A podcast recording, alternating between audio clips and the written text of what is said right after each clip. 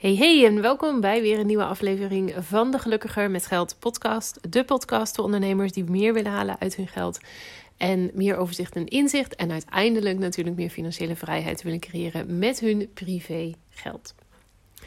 Um, nou ja, ik ben, als je de vorige aflevering hebt geluisterd, ik ben dus ondertussen weer in uh, Nederland.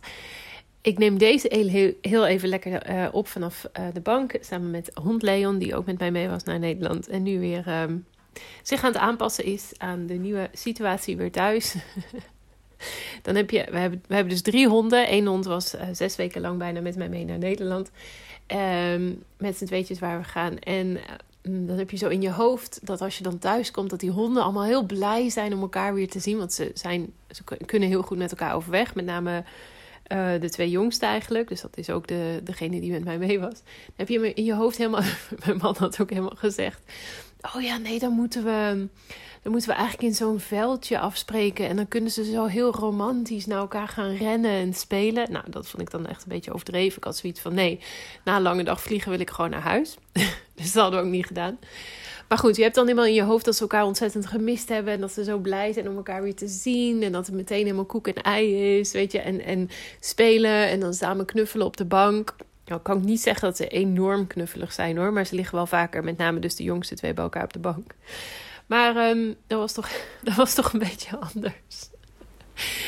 Um, en dat is ook helemaal oké hoor. Maar uh, het is toch weer even aanpassen. Ze hebben natuurlijk, uh, nou ja, mijn is natuurlijk bij, constant bij mij geweest. Wel, we hebben ook op andere honden gepast natuurlijk. Maar ik denk dat hij daar altijd wel echt het gevoel heeft dat hij de enige hond uh, van mij was, zeg maar. Um, dat, hij onder andere, dat, hij, dat er niet zozeer een competitie was.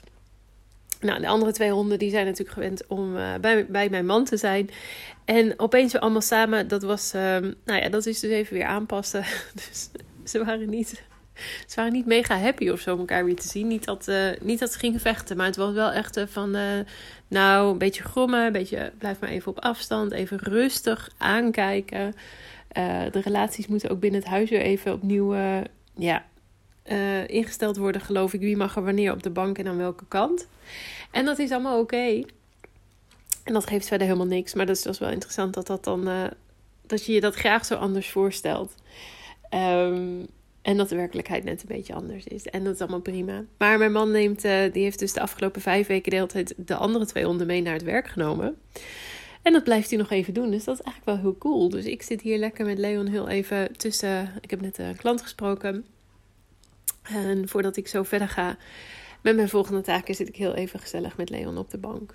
Uh, lekker rustig. Uh, want de andere twee zijn lekker met mijn man mee. Dus die zijn daar lekker uh, in kantoor. Wat vinden ze ook heel leuk. Krijgen ze wat extra aandacht van, van de mensen daar. Dus helemaal prima. Maar goed. Na deze ontzettend lange inleiding over honden. Als je dit nog hoort, dan uh, heb je ofwel vooruitgespoeld of uh, je vond het wel interessant. Nou, dank daarvoor. Uh, gaan we toch maar over op het onderwerp van de dag. En wederom eentje die ik heel vaak hoor. Um, en uiteindelijk natuurlijk ook heel vaak de reden waarom mensen uiteindelijk kiezen om klant te worden bij mij. En dat is dat ze, en die herken je misschien wel, je wilt heel veel, maar je doet niets. En heel veel willen kan van alles zijn. Dat hoeft niet per se een mega grote of lees of hoor eigenlijk dure droom te zijn van een wereldreis of een reis met het hele gezin naar uh, Australië, bij wijze van spreken. Het hoeft niet per se een hele nieuwe auto te zijn of een, een nieuw huis of een vakantiehuisje, dat soort dingen. Het kunnen ook kleine dingen zijn. Het kan ook zijn uh, eh, 50 euro per maand opzij of extra, maakt niet uit, opzij zetten voor je pensioen. Het kan zijn beginnen met beleggen. Uh, het kan zijn wat vaker geld voor jezelf overhouden en iets leuks doen.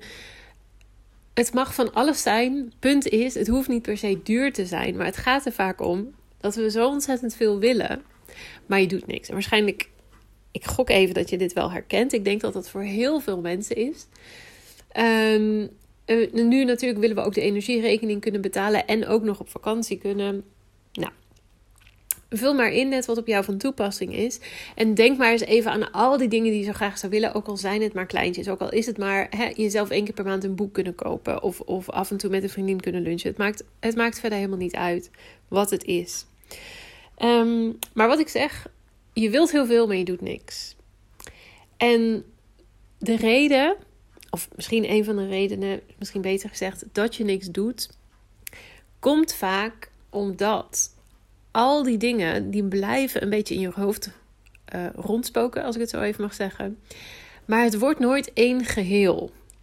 Het wordt nooit bij elkaar gevoegd. Het wordt nooit een plan. Je zit, gaat er nooit voor zitten om te kijken, nou ja, wat is nu eigenlijk mogelijk? Wat heb ik? Wat, wat, kan ik uh, wat kan ik doen met mijn geld? Wat zou ik graag willen? Hoe kan ik dat voor elkaar gaan krijgen? Weet je, echt die volgende stap. En omdat je zoveel wilt, maar omdat je er niks mee doet, is die frustratie uiteindelijk vele malen groter. Dat is althans mijn overtuiging. Omdat die, het blijven individuele dingen.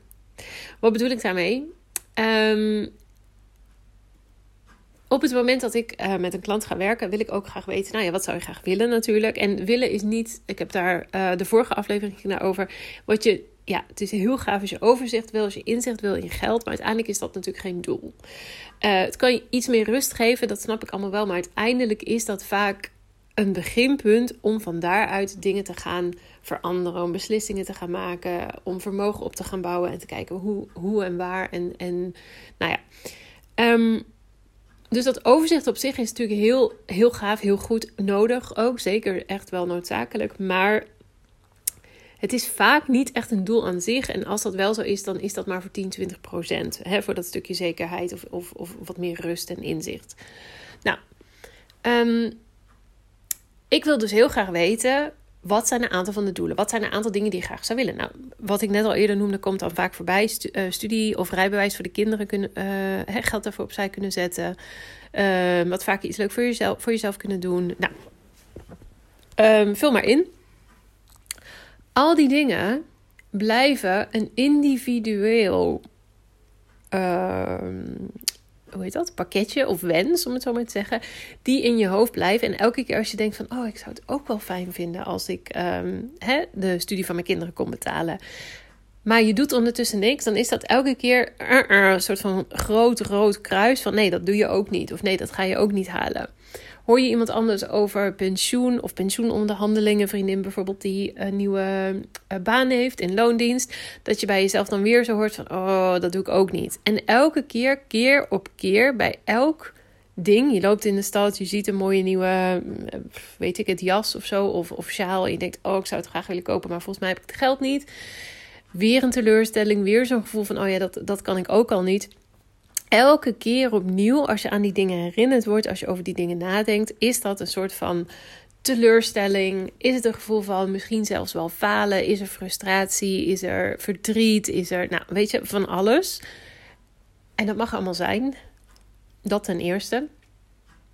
Maar het gaat zo blijven zolang je er niets mee doet.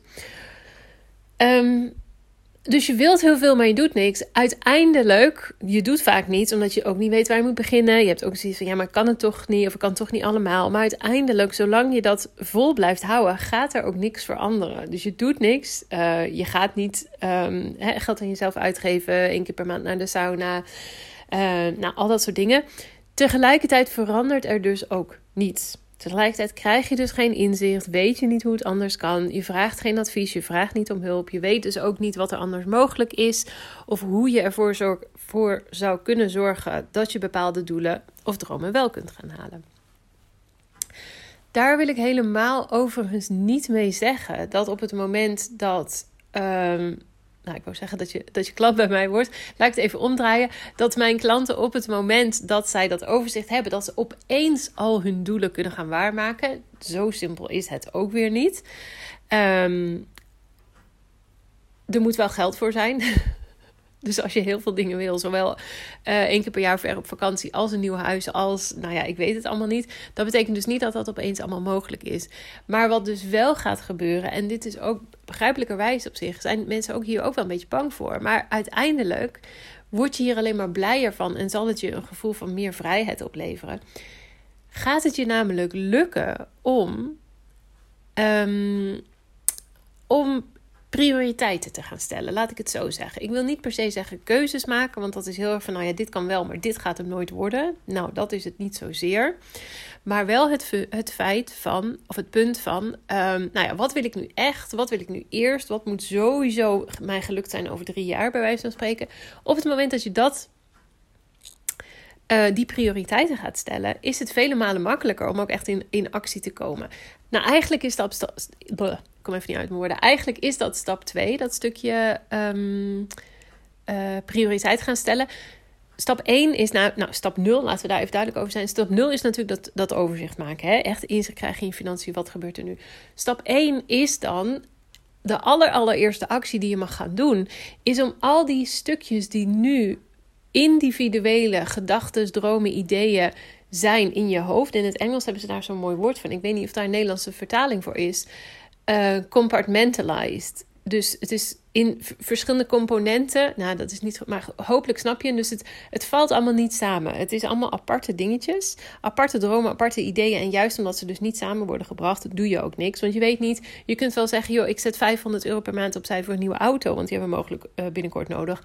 Maar als dat al het geld is wat jij per maand, per maand kunt missen. Wat dus niet opgaat aan je boodschappen en de hypotheek en uh, de sportclub voor de kinderen dan weet je ook, als ik al het geld wat ik opzij zet voor de auto, dan uh, al het geld dat ik overhoud opzij zet voor de auto, dan gaan we dus niet op vakantie. Dan gaan we dus niet, weet je, je weet dus dan um, niet hoe al die dingen samen kunnen passen en hoe je ervoor kunt zorgen dat de allerbelangrijkste dromen of wensen die je hebt, dat je die wel kunt gaan waarmaken. Ja? Um, beetje warrig, hopelijk, uh, hopelijk niet, mogelijk.